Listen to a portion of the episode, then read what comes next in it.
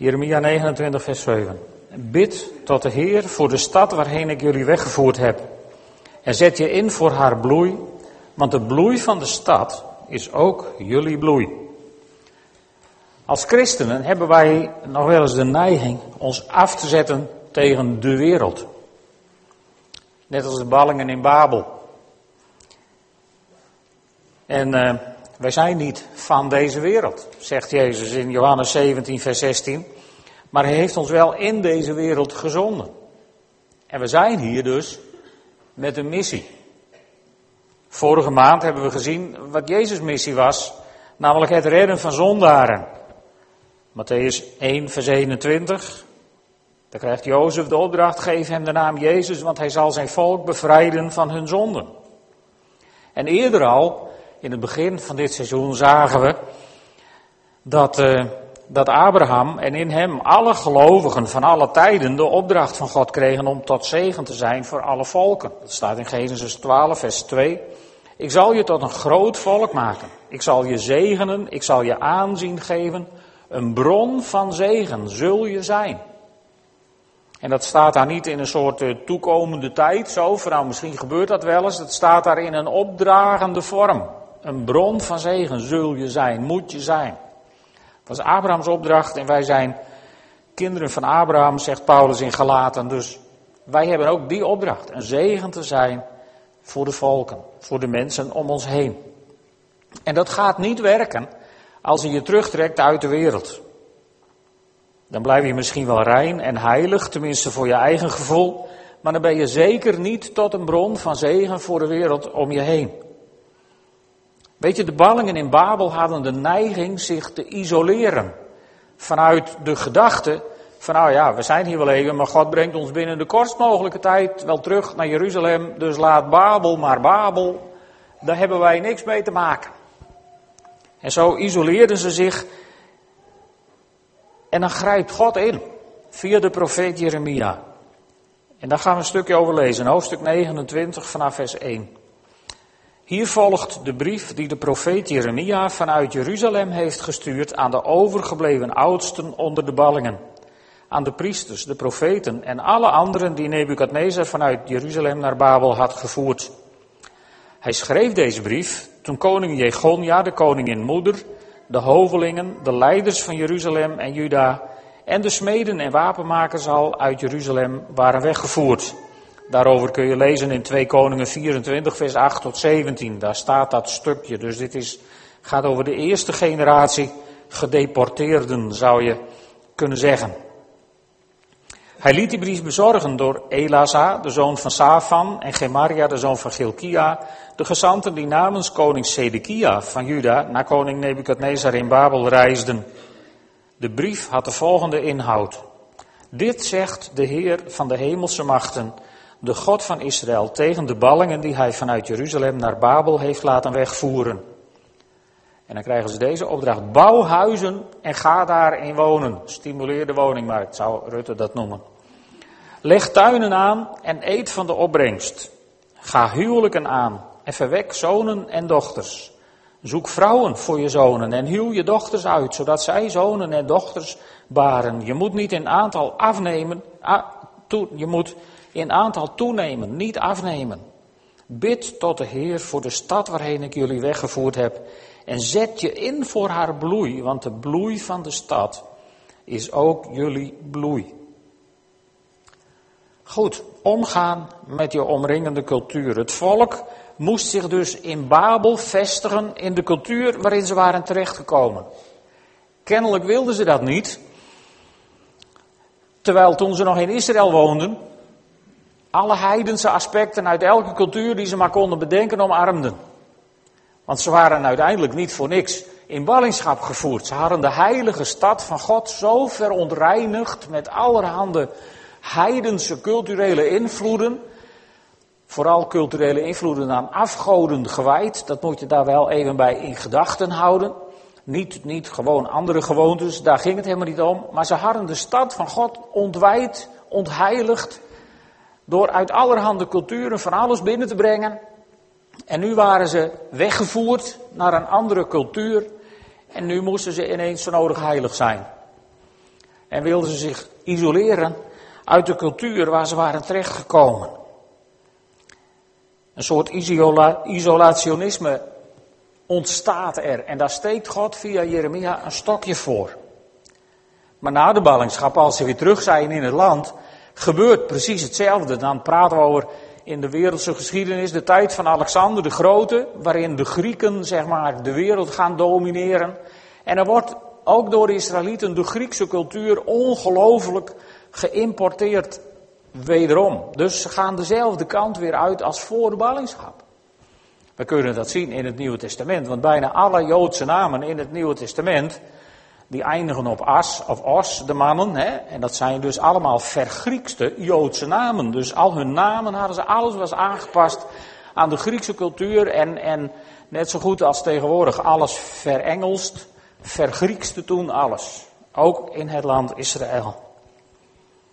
En uh, dan zijn het de fariseeërs die zich met allerhande regeltjes verzetten tegen de invloed van die cultuur.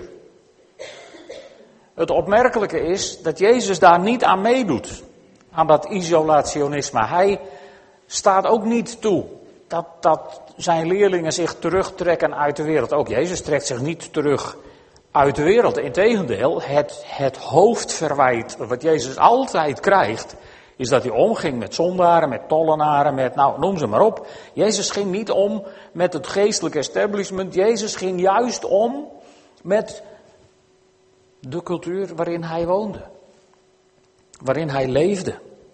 En vlak voordat hij het avondmaal instelt, bidt hij het hoge priesterlijk gebed in, in, in, de brief, in, in het evangelie van Johannes.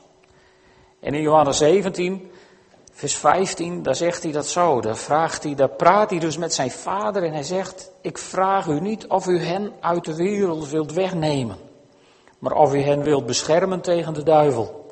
Ze horen niet bij de wereld zoals ik niet bij de wereld hoor.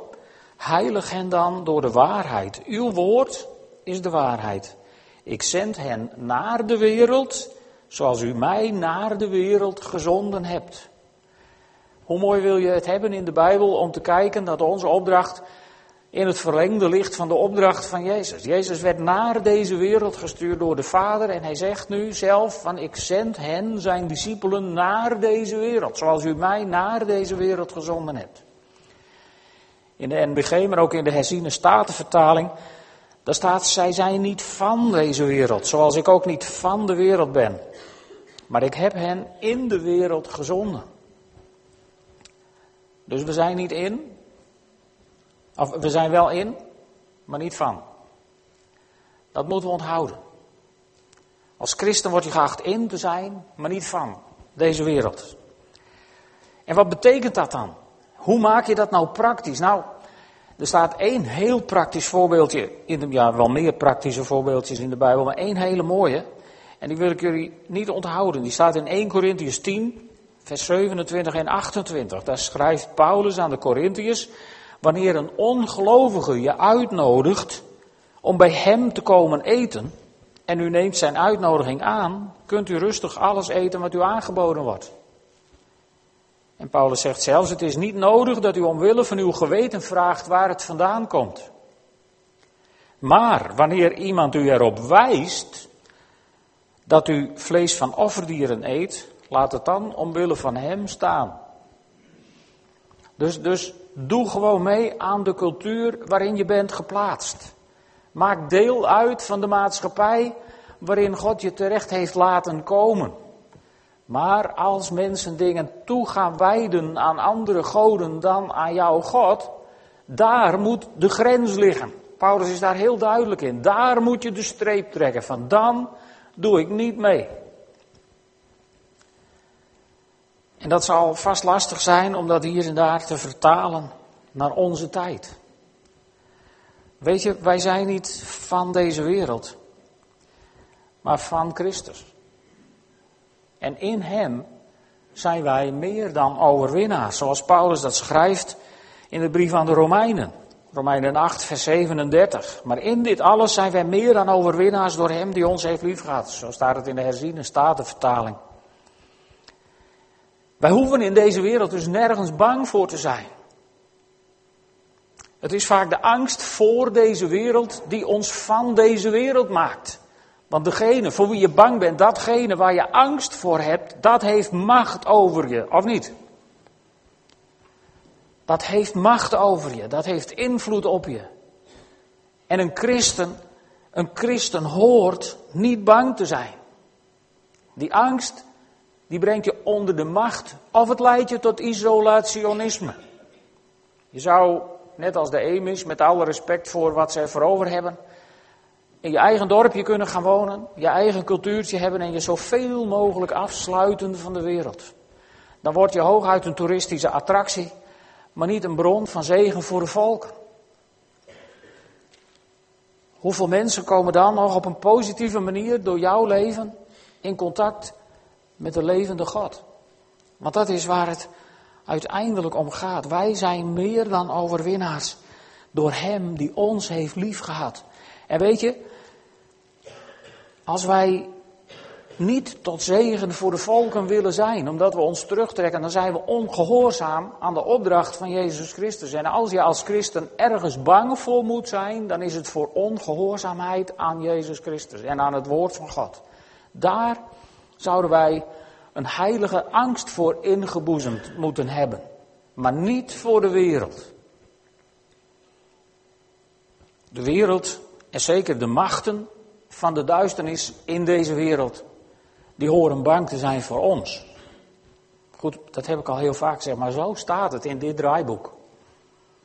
Niet wij voor de wereld of voor de machten in de wereld. Want wij zijn bekleed met de majesteit van Jezus Christus, lieve mensen. Dat moeten we langzaam maar zeker gaan geloven. Dat moet diep in onze genen doordringen wat onze geestelijke positie is in deze wereld. En die liegt er niet om. Je bent meer dan overwinnaars. Er is niets op deze aarde en er is niets in de hemelse gewesten. Wat sterker is dan de macht van Jezus die in jou is. Want de Heilige Geest woont toch in u? Of niet? Zo niet, dan is er na de tijd hier een kamer, daar hangt pastoraat op de deur en zorg dan dat je daar komt. De Heilige Geest woont in jou. En die in mij is, is meer dan die in de wereld is. Eerste brief van Johannes, geloof ik. En dat zeggen we zo makkelijk. Het rolt soms zo makkelijk over je lippen. Maar leven we er ook naar? Of rolt het alleen over je lippen? Het zou diep in je hart gegrift moeten staan. En goed, hoe maak je dat dan praktisch? Nou, er is een ongelooflijk leuke brief. Ja, er staan een hele hoop leuke brieven in de Bijbel, maar over dit onderwerp een ongelooflijk leuke brief en dat is de eerste brief van Petrus. En daar wil ik eens wat met jullie in lezen. De eerste brief van Petrus. Na Jacobus. En dan moet je eens kijken hoe praktisch Petrus is. Het zijn van die brieven, ik weet niet hoe het jullie gaat, maar het zijn die, die kleine brieven achter in de Bijbel. En heel vaak begin je vol goede moed voor in de Bijbel om de Bijbel eens een keer door te lezen. En die, het nadeel dat die kleintjes dan achterin staan is dat je dat vaak niet haalt. Tenminste, als jullie net zo Bijbel lezen als ik. Dan trekken deze brieven wel eens wat aan het kortste eind. En dat is niet terecht. Want dit is zo'n mooie brief. Ga, laten we maar even kijken van Petrus, apostel van Jezus Christus, aan de uitverkorenen. Oh, is hij dan aan het goede adres? Jullie zijn allemaal zo somber vandaag, jongens. Er is een nieuw jaar begonnen, de dagen worden langer, het licht wordt mooier. De uitverkorenen. Is de brief dan aan het goede adres? Ja, toch? Wij horen bij de uitverkorenen, omdat we geloven in Jezus Christus. Aan de uitverkorenen die zich als vreemdelingen verspreid in Pontus, Galatië, Cappadocia, Azië en Bithynië verblijven. Dus als vreemdelingen. Het, het, het, hij had deze brief zomaar aan de ballingen in Babel kunnen schrijven, aan vreemdelingen. En, en volgens Hebreeën zijn ook wij allemaal vreemdelingen die op doorreis zijn in, in, in de wereld, op de plek waar we zijn. We zijn op doorreis. Maar dat moet er niet toe leiden dat we niet meedoen met de maatschappij waarin we wonen. Vers 2. Door God de Vader voorbestemd om geheiligd door de Geest gehoorzaam te zijn aan Jezus Christus. En met zijn bloed besprenkeld te worden. Dat is het oud-testamentische beeld van het offer. Hè? Alles wat geheiligd werd en toegewijd werd aan God in het Oude Testament werd besprenkeld met het bloed van het offerdier. Daar is waar Paulus hier naar verwijst. Dat wij geheiligd zijn door Jezus Christus. Genade zij u en vrede in overvloed. Veel heil en zegen. Geprezen zij de God en Vader van onze Heer Jezus Christus. In zijn grote barmhartigheid heeft hij ons opnieuw geboren doen worden. Ben ik nog steeds aan het goede adres? Hij heeft ons opnieuw geboren doen worden en anders kan dat vandaag. Hij heeft ons opnieuw geboren door de opstanding van Jezus Christus uit de dood, waardoor wij leven in hoop. Dus zo mogen we ook dit nieuwe jaar 2014 zomaar tegemoet treden. Doordat we leven in hoop. Niet in hopeloosheid, maar in hoop. Er wacht u, die door Gods kracht wordt beschermd. Zie je wel, dat je nergens bang voor hoeft te zijn. Omdat u gelooft in de hemel een onvergankelijke, ongerepte erfenis die nooit verwelkt. Dus je hoeft geen haast te maken om daar te komen. Zeg maar, het blijft wel goed. Het verwelkt niet, het wacht wel op je. U ziet de redding tegemoet die aan het eind van de tijd zeker geopenbaard zal worden. Verheug u hierover, ook al moet u tot uw verdriet nog een korte tijd allerlei beproevingen verduren. Zo kan de echtheid blijken van uw geloof. Hoeveel kostbaarder dan vergankelijk goud dat toch ook in het vuur wordt getoetst. En zo verwerft u lof, eer en roem wanneer Jezus Christus zich zal openbaren. U hebt Hem lief zonder Hem ooit gezien te hebben en zonder Hem nu te zien gelooft u in Hem en ervaart u een onuitsprekelijke hemelse vreugde. Omdat u het einddoel van uw geloof bereikt, uw redding. Die hebben we dus. Hè? Door Jezus Christus hebben we die redding. We hebben het eeuwige leven ontvangen toen we een kind van Jezus Christus werden. Door het bloed van Jezus Christus en door de Heilige Geest hebben we ook de mogelijkheid, de kracht gekregen om kinderen van God te zijn. Geweldig. En dan gaat Petrus verder. Wat die redding inhoudt, trachten de profeten te achterhalen toen ze profeteerden over de genade die u ten deel zou vallen. Zij probeerden vast te stellen op welke tijd en op welke omstandigheden Christus geest die in hen werkzaam was doelde. Toen deze hun zei dat Christus zou lijden en daarna in Gods luister zou delen. Er werd hun geopenbaard dat deze boodschap niet voor henzelf bestemd was, maar voor u. En nu is deze boodschap u verkondigd door hen die u het evangelie hebben gebracht, gedreven door de Heilige Geest die vanuit de hemel werd gezonden. Het zijn geheimen waarin zelfs engelen graag zouden doordringen.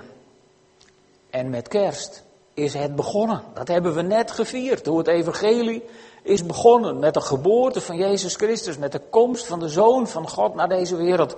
En Peter zegt, daar hebben de profeten, die hebben geprobeerd te doorgronden wat het zou betekenen en wanneer het zou zijn. En zelfs engelen, zegt hij, die hebben, die hebben vurig begeerd om, om, om het ook te mogen snappen en het ook te mogen zien. Maar wij, en dat is wat Petrus hier probeert duidelijk te maken. Wij zijn zulke ongelooflijk bevoorrechte mensen in de wereldgeschiedenis. Want wij leven na Christus. Wij mogen achteromziend weten dat, dit, dat wij in die tijd leven. Waar de profeten over hebben geschreven in die tijd, daar staan we middenin. En, en met, met die genade van God staan we midden in de cultuur, midden in de maatschappij, waarin we leven als dragers van het koninkrijk van God. En daarom zegt, gaat Petrus verder, hij zegt van, laat uw geest daarom voortdurend paraat zijn. Wees waakzaam en vestig al uw hoop op de genade die u ontvangen zult wanneer Jezus Christus zich openbaart. Wanneer Hij terugkomt op de wolken. Daar mogen we vol verwachting naar uitzien. En in die tussentijd gaan we verder, vers 14. Wees als gehoorzame kinderen. En geef niet opnieuw toe aan de begeerten waardoor u vroeger, toen u nog onwetend was, werd beheerst maar leidt een leven dat in alle opzichten heilig is, zoals Hij die u geroepen heeft heilig is. Er staat immers geschreven, wees heilig, want ik ben heilig. En heilig betekent hier in dit geval, wij hebben daar zo'n ongelooflijk vertekend beeld van gekregen. Heilig, dat betekent niet volmaakt. Dat is een heel ander woord. Heilig betekent in de Bijbel apart gezet. Dat is waar Petrus daar in het begin mee begon in vers 2 dat we met zijn bloed besprenkeld zijn. Daardoor zijn we heilig geworden. We zijn niet heilig door ons gedrag. We zijn niet heilig door onze afstamming. We zijn niet heilig omdat we gedoopt zijn. We zijn niet heilig als we straks van het brood en de wijn hebben gegeten en gedronken. We zijn heilig omdat het bloed van Jezus Christus voor jou en mij is vergoten. En op het moment dat je daar ja tegen hebt gezegd in je leven, toen ben je als het ware, schrijft Petrus, besprenkeld met het bloed van Christus. En daardoor ben je heilig geworden en apart gezet voor Hem in deze wereld. Vers 17. En aangezien u Hem die iedereen beoordeelt naar zijn daden zonder aanzien des persoons Vader noemt, dat doen we dus allemaal, hè? allemaal zeggen we onze Vader die in de hemelen zijt moet u tijdens uw leven als vreemdeling ook ontzag voor hem hebben. U weet immers dat u niet met zoiets vergankelijks als zilver of goud bent vrijgekocht uit het zinloze leven dat u van uw voorouders had geërfd, maar met kostbaar bloed van een lam zonder smet of gebrek van Christus. Dat gaan we zo meteen vieren, gedenken als we avondmaal vieren. Al voor de grondvesting van de wereld is hij door God uitgekozen en nu is hij aan het eind van de tijd verschenen omwille van u. Door hem gelooft u in God die hem uit de dood heeft opgewekt en hem laat delen in zijn luister, zodat uw geloof tevens hoop is op God. En dan komt er weer zo'n mooi stukje. Nu u gehoorzaam bent aan de waarheid, is uw hart gelouterd. En kunt u oprecht van uw broeders en zusters houden. Is dat zo? Kunt u als elkaar straks met een hart vol liefde, als u dat nog niet gedaan hebt, de beste wensen toespreken voor het jaar 2014? Of hoort u bij die mensen die op 3 januari al beginnen van mag het nog wel? Van mij mag het tot 31 december 12 uur s'avonds en dan beginnen we gewoon weer opnieuw. Ik sta altijd open voor goede wensen. Van mensen die van je houden. Heb elkaar dan ook let op wat hier staat, heb elkaar dan ook onvoorwaardelijk lief. Lastig is dat. We kunnen het elkaar soms zo moeilijk maken. Ik jullie waarschijnlijk ook wel. Af en toe. Maar hier staat, heb elkaar dan ook onvoorwaardelijk lief. Met een zuiver hart. Onvoorwaardelijk. Niet ja maar, hij of zij of zus of zo. Nee, onvoorwaardelijk. Want dat is hoe God ons lief heeft. Onvoorwaardelijk. Als mensen die opnieuw zijn geboren, niet uit vergankelijk, was ik daar? Ja. Niet uit vergankelijk, maar uit onvergankelijk zaad, door Gods levende en altijd blijvende woord. De mens is als gras en zijn schoonheid als een bloem in het veld. Het gras verdort en de bloem valt af, maar het woord van de Heer blijft eeuwig bestaan. Dit woord is het evangelie dat u verkondigd is. En dan gaan we verder met hoofdstuk 2. Ontdoe u dus van alles wat slecht is. Van alle bedrog en huichelarij, alle afgunst en kwaadsprekerij. En verlang als pasgeboren zuigelingen naar de zuivere melk van het woord, opdat u daardoor groeit en uw redding bereikt. U hebt toch ondervonden hoe goed de Heere is? Hebben jullie dat wel eens ondervonden, hoe goed de Heere is? Zijn hier enige ervaringsdeskundigen in deze zaal? Je hebt toch ondervonden hoe goed de Heer is. Hij heeft toch je hart aangeraakt. Hij heeft je toch doorstroomd met zijn liefde. Hier en daar op sommige momenten. Dus je weet het. Je hebt ondervonden hoe goed de Heer is. En dan zegt Petrus, voeg je dan bij hem, bij de levende steen die door de mensen werd afgekeurd, maar door God werd uitgekozen om zijn kostbaarheid. En laat u ook zelf als levende stenen gebruiken voor de bouw van een geestelijke tempel. Vorm een heilig priesterschap om geestelijke offers te brengen die God dankzij Jezus Christus welgevallig zijn. In de schrift staat immers in Sion leg ik een hoeksteen die ik heb uitgekozen om zijn kostbaarheid. Wie daarop vertrouwt, komt niet bedrogen uit. Dit gaat over Jezus Christus, onze verlosser en zaligmaker. Kostbaar is hij voor u die erop vertrouwen. Voor wie er niet op vertrouwen geldt echter de steen die de bouwers afkeuren, is de hoeksteen geworden. En het is een steen waarover men struikelt, een rotsblok waaraan men zich stoot. Zij struikelen omdat ze Gods woord niet gehoorzamen. Daartoe zijn ze bestemd. Maar u, let op, even rechtop gaan zitten, dit gaat over jou. Maar u bent een uitverkoren geslacht. Veel heil en zegen wens ik u voor 2014. U bent een uitverkoren geslacht. Een koninkrijk van priesters. Een heilige natie. Een volk dat God zich verworven heeft. Om de grote daden te verkondigen van Hem die u uit de duisternis heeft geroepen naar zijn wonderbaarlijke licht. Mooi, je zou Petrus zich gewoon neer moeten zetten tot zijn wonderbaarlijke licht. Geweldig, dit is onze missie. In de cultuur, in de maatschappij waar we terecht zijn gekomen, waar God ons heeft geplaatst. Worden wij geacht een koninkrijk van priesters te zijn, om de grote daden te verkondigen van Hem die ons uit de duisternis geroepen heeft naar zijn wonderbaarlijk licht. Want eens was u geen volk en nu bent u Gods volk. Niet in plaats van Israël, maar samen met Israël. Gods volk. Eens viel Gods ontferming u niet ten deel. En nu wordt zijn ontferming u geschonken. Nu wordt zijn ontferming. Dit is een dag met een gouden randje. En morgen weer en overmorgen weer. Nu wordt zijn ontferming u geschonken. Geliefde broeders en zusters. U bent als vreemdelingen die ver van huis zijn, daar heb je het weer. We zijn nog steeds vreemdelingen. Die ver van huis zijn. Ik vraag u dringend niet toe te geven aan zelfzuchtige verlangens die uw ziel in gevaar brengen. Leid te midden van de ongelovigen een goed leven.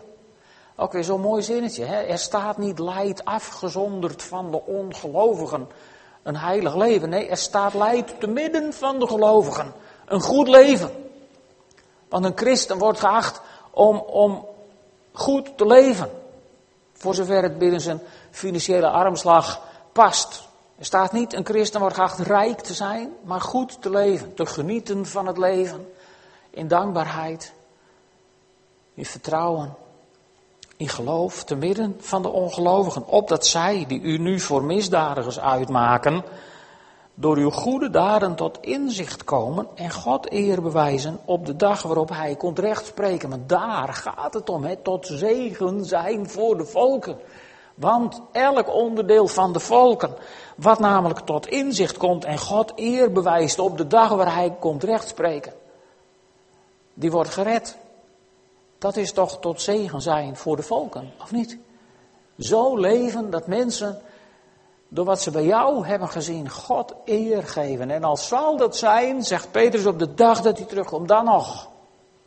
Dan nog is het goed. Erken omwille van de Heer het gezag van de bestuurders die door mensen zijn aangesteld.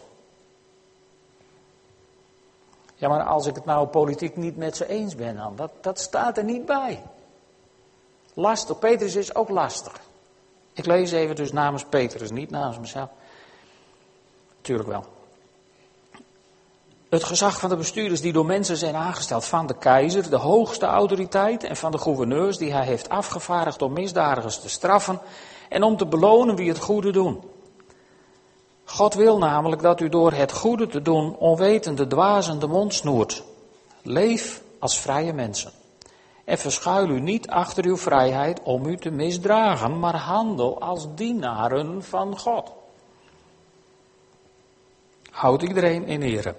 Heb uw broeders en zusters lief. Heb ontzag voor God en eerbiedig de keizer. Nou, prachtig. Ik ga hem niet helemaal uitlezen vandaag. Maar dan komen er een aantal van die hele praktische dingen door deze brief heen. Hè. Dan gaat het in hoofdstuk 2 vanaf vers, eh, vers 18, dan gaat het over slaven, erken het gezag van uw meesters. Met andere woorden, werknemers, erken het gezag van je werkgevers. Die verhoudingen zijn wat anders dan toen, maar daar komt het op neer.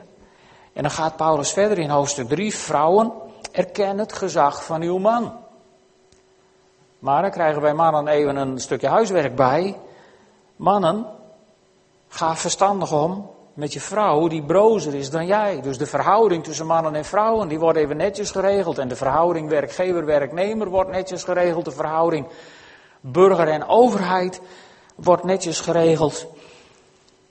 En in hoofdstuk 5, daar wordt de verhouding in de gemeente ook nog even netjes geregeld. Oudsten, zorg dat je een goede hoeder bent van de gemeente.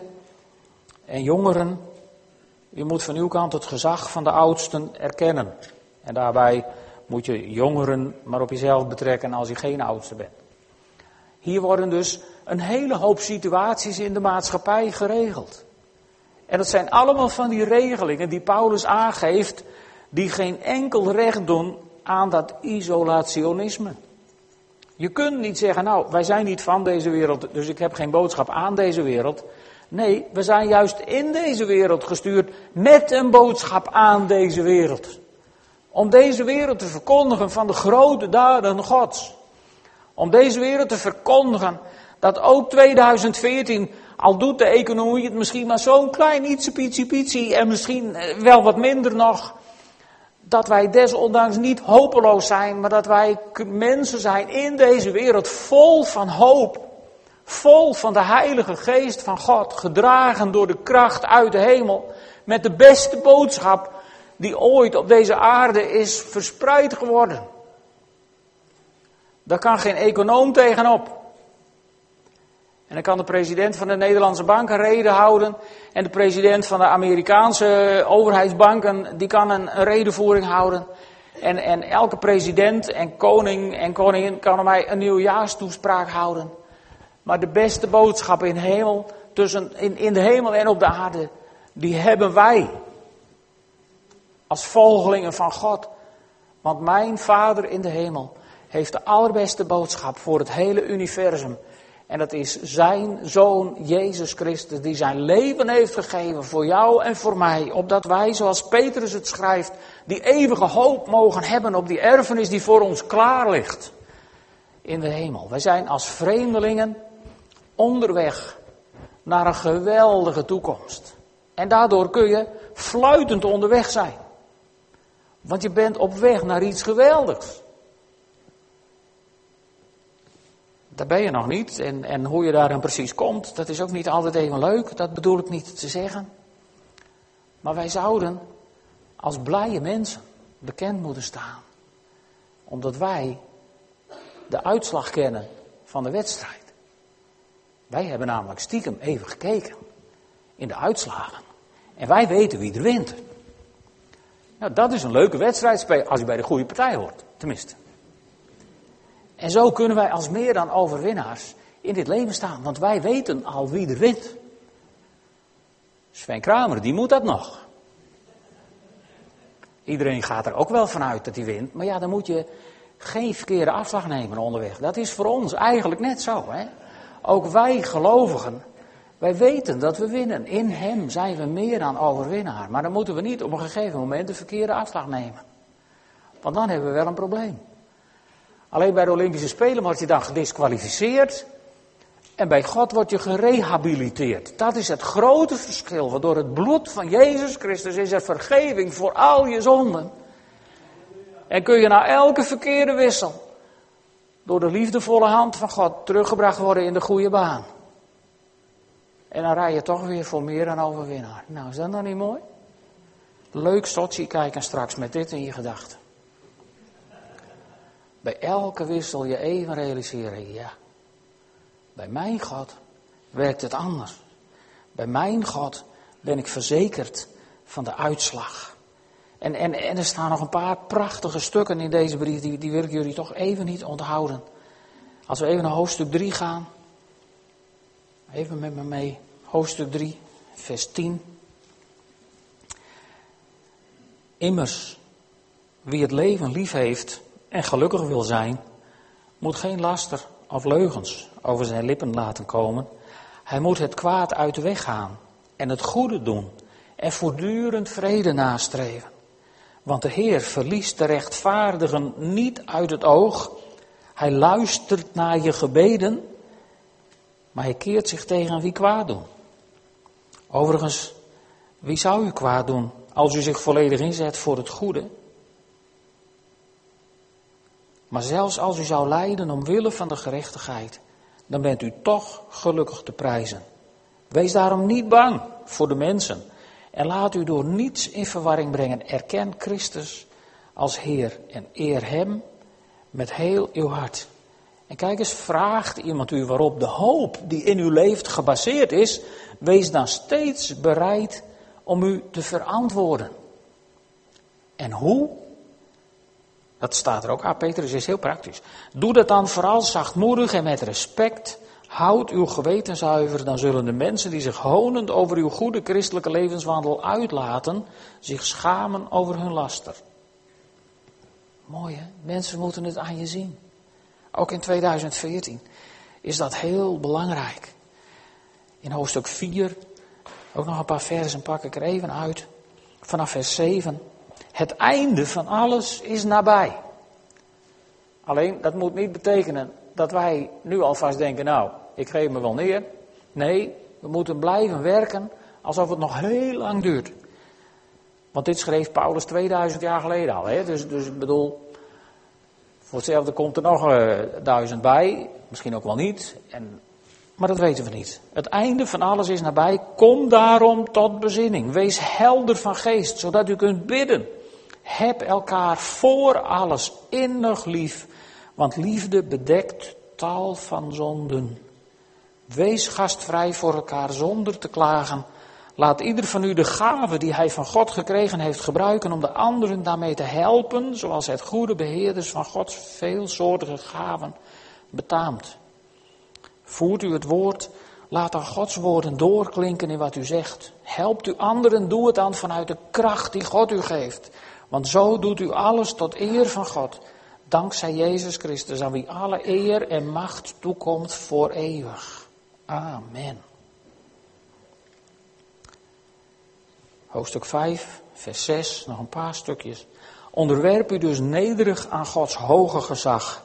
Dan zal Hij u op de bestemde tijd een eervolle plaats geven. U mag uw zorgen op Hem afwentelen, want u ligt Hem na aan het hart. Wees waakzaam, wees op uw hoede, want uw vijand, de duivel, zwerft rond als een brullende leeuw op zoek naar een prooi. Maar weet je, Jezus heeft voor ons gebeden. Dat hebben we zo pas gelezen. De duivel mag dan wel brullend rondgaan op zoek naar een prooi. Maar Jezus heeft zijn vader gebeden of u hen wilt beschermen tegen de duivel.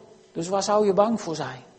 Jouw verlosser en jouw zaligmaker heeft aan zijn vader gevraagd om jou te beschermen tegen de duivel. En als er één is wiens gebeden altijd worden verhoord, zijn het de gebeden van Jezus Christus onze Heer, die aan de rechterhand van de Vader zit en dag en nacht voor jou en mij pleit. Dus, lieve mensen, zie het nieuwe jaar recht in de ogen. Treed het onbevangen tegemoet. Laat je niet in de luren leggen door het gebrul van Satan. Laat je niet van de wijs brengen door wat sommige mensen misschien zeggen. Maar wees vrijmoedig in de cultuur waarin je geplaatst bent. Leef het goede leven. Te midden van de ongelovigen, omdat ze iets van God in jou zien. En ik wil afsluiten met een paar versen nog uit hoofdstuk 2, vers 21. Dit is uw roeping, of dat is uw roeping. Ook Christus heeft geleden om uwentwil en u daarmee een voorbeeld gegeven.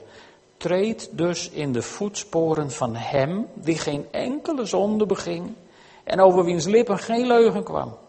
Hij werd gehoond en hoonde zelf niet. Hij leed en dreigde niet. Hij liet het oordeel over aan hem, aan God dus, die rechtvaardig oordeelt. Hij heeft in zijn lichaam onze zonden het kruishout opgedragen, opdat wij, dood voor de zonde, rechtvaardig zouden leven. Door zijn striemen bent u genezen. Eens dwaalde u als schapen. Nu bent u teruggekeerd naar hem die de herder is. Naar hem die uw ziel behoedt. Ik wens u een jaar toe aan zijn hand. In zijn kudde, in zijn gevolg, hoe u maar wilt. En ik zou u aan willen raden. Lees zo af en toe die eerste brief van Petrus. Ga er eens lekker voor zitten. Laat het dus diep op je indringen. Dringen. Want God heeft ook jou iets te zeggen. Ook op je weg in dit nieuwe jaar. Zullen we gaan staan en samen een moment bidden?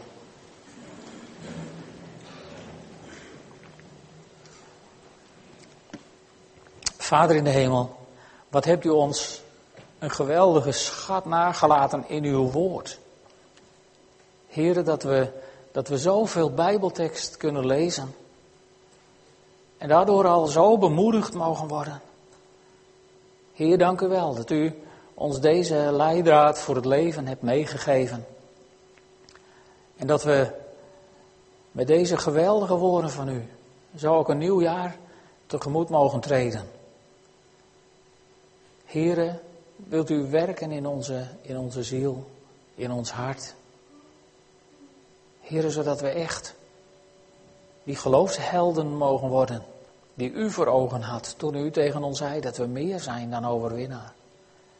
Heer, ik moet u beleiden dat ik me vaak laat overweldigen door zorg, door angst, door teleurstelling, door boosheid. Maar Heer, ik bid u, werk aan mij. Maak mij een beter mens, Heer. Een beter mens. Wat meer laat zien van uw glorie, van uw grootheid, van uw heerlijkheid. Heer, maak mij een mens die fluitend onderweg is naar een geweldige eindbestemming. Ik dank u wel voor die zekerheid. En ik dank u wel dat we dat ook mogen gedenken in het avondmaal. Halleluja. Amen. U mag gaan zitten. En wij gaan avondmaal vieren.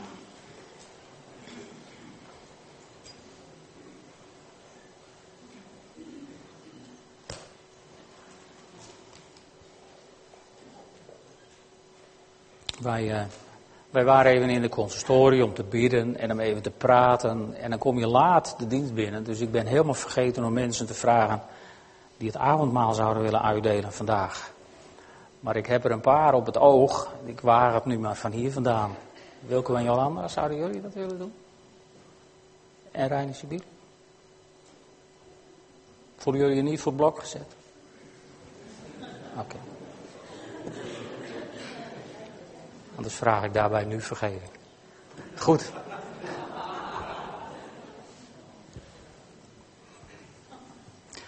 We gaan avondmaal vieren voor de gasten onder ons. Als u een kind van de Heer Jezus bent, dan uh, bent u van harte uitgenodigd. U kunt straks hiervoor brood halen en wijn. En als u hier uh, voor het eerst bent, dan zult u zien dat achter in de zaal drie teams staan die uh, voor mensen bidden. We zijn namelijk gewend om ook voor mensen te bidden. Want ik heb dat voorgelezen uit Petrus. Toen hij aan het kruis stierf, dan staat daar, door zijn striemen hebben wij genezing ontvangen. En we zijn teruggekeerd tot de herder die onze ziel behoedt. Maar soms ben je toch ziek en zou je wel gebed willen. Of heb je het gevoel dat je ziel wel wat extra kan gebruiken. Nou kom dan tot de herder die je ziel behoedt. En uh, dat zijn niet wij die daar straks achterin staan, maar we mogen hem wel vertegenwoordigen. En we gaan samen met jou naar de herder. Want genezing verwachten we niet van mij en niet van wie van de andere bidders ook. Genezing verwachten we van Hem. En het behoeden van je ziel verwachten we ook van Hem. Dus eh, als we daarin iets voor je mogen betekenen, voel je vrij en kom gerust voor gebed. Dat mag voordat je in de rij gaat staan voor het avondmaal. Dat mag nadat je avondmaal hebt gehad. Goed, in de nacht waarin de Heer Jezus werd uitgeleverd, nam hij een brood. Hij sprak het dankgebed uit. Vader en zo danken wij u nu ook voor dit brood en voor de beker. We danken u, Heer, dat u ons dit teken hebt nagelaten, zodat we voortdurend eraan herinnerd mogen worden. Wat u ons onder andere ook in die prachtige brief van Petrus hebt nagelaten. Heren, opdat we mogen herinneren. En na het gebed brak Jezus het brood. Hij zei: Dit is mijn lichaam voor jullie. Neem en eet allemaal daarvan en doe dit telkens als je het doet, tot mijn gedachtenis, opdat je herinnert wat het gekost heeft, dat je gered mag zijn. En zo nam Jezus na de maaltijd de beker en hij zei, deze beker is het bloed van het nieuwe verbond, dat voor jullie vergoten is. Drink allen daaruit en doe dit elke keer als je het doet tot mijn gedachtenis. En dan schrijft Paulus daarachter, elke keer wanneer je dit brood eet en uit de beker drinkt, verkondig je de dood des Heren totdat hij komt. Niet als rouwbeklag, maar opdat we zullen herinneren wat het gekost heeft. We hebben het gelezen in de brief van Petrus. We zijn niet gekocht met zilver en goud, we zijn gekocht en betaald met het kostbare bloed van onze Heer Jezus Christus. En er is kracht in het bloed van het lam.